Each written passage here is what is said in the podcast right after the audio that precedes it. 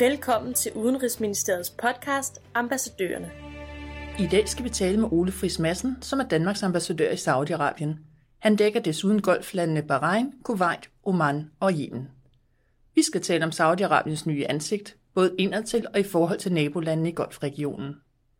I juni blev arvefølgen i den saudiske kongefamilie, der tæller ikke mindre end 10.000 medlemmer ændret, og det nye ansigt er den kun 31-årige Mohammed bin Salman, som er udnævnt til ny kronprins.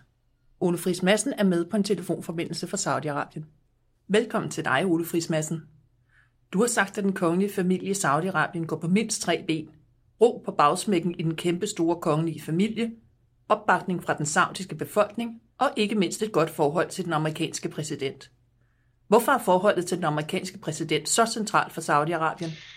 Ja, det handler sagt meget kort om sikkerhed, økonomi og regional magtbalance i golfen.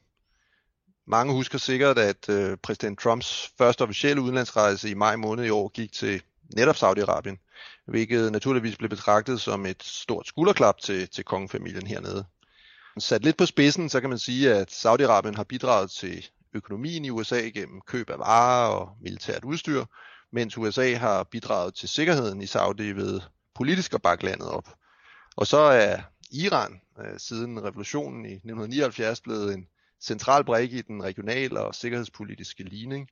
Både Saudi-Arabien og USA har et anstrengt forhold til magthaverne i Teheran, så her passer det Saudi-Arabien vældig fint at have USA i ryggen. Jagta forventer, at den nye kronprins vil fortsætte et omfattende reformarbejde i Saudi-Arabien. Du mener, at kvinders rolle i samfundet og modernisering af økonomien kommer til at stå centralt? Ja, øh, Saudi-Arabien er traditionelt et meget konservativt land, men jeg mener, det står foran et vigtigt paradigmeskift på, på flere områder. For det første har de lave oliepriser tvunget landets ledelse til at tænke nyt, og man er gradvist ved at gøre sig mindre afhængig af olie som den eneste indtægtskilde.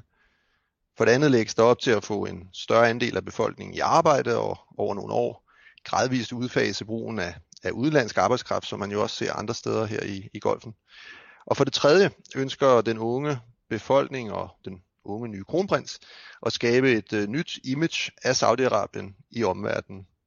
Samtidig søger man også en ny national identitet, som måske ikke baserer sig på en helt så konservativ religiøs livssyn, som vi har kendt det hidtil. Så jeg er overbevist om, at kvinder snart kommer til at køre bil hernede, og i øvrigt gradvist udfylde mange af de samme roller, som traditionelt har været reserveret øh, for mænd. Der er allerede sket en markant udvikling på det område alene de snart fire år, jeg har boet her. Men der er naturligvis stadig forhold, som vurderet ud fra en europæisk målestok, ikke lever op til de standarder, som vi mener bør være øh, universelle. Den nye kronprins har også været aktiv på den udenrigspolitiske front og blandt andet stået bag opstarten af den saudisk ledede koalition i Yemen. Kan du opdatere os på, hvad holdningen til krigen er i den saudiske befolkning? Det er, vigtigt, det er vigtigt at huske, at den saudiske intervention er et, et indgreb til støtte for en part i en intern konflikt i et naboland.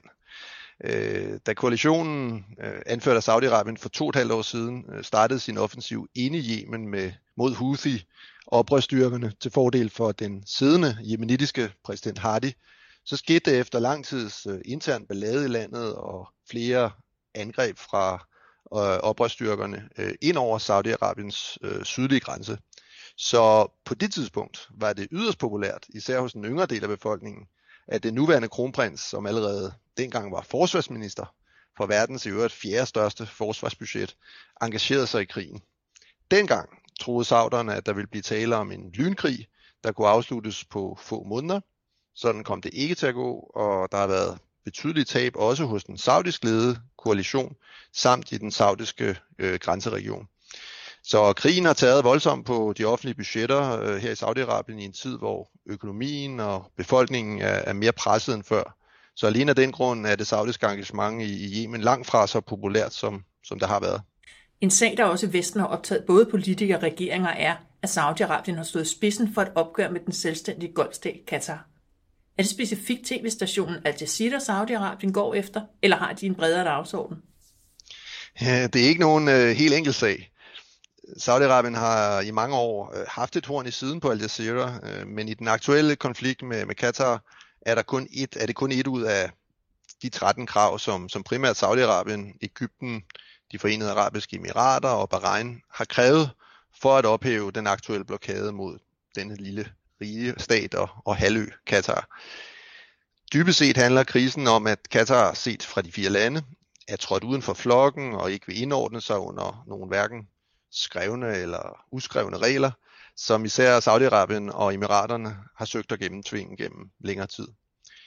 Det handler om ytringsfrihed, øh, ikke indblanding i andre golflandes interne forhold, politisk og økonomisk støtte til organisationer, som nogle lande øh, opfatter som ekstreme eller direkte terrororganisationer.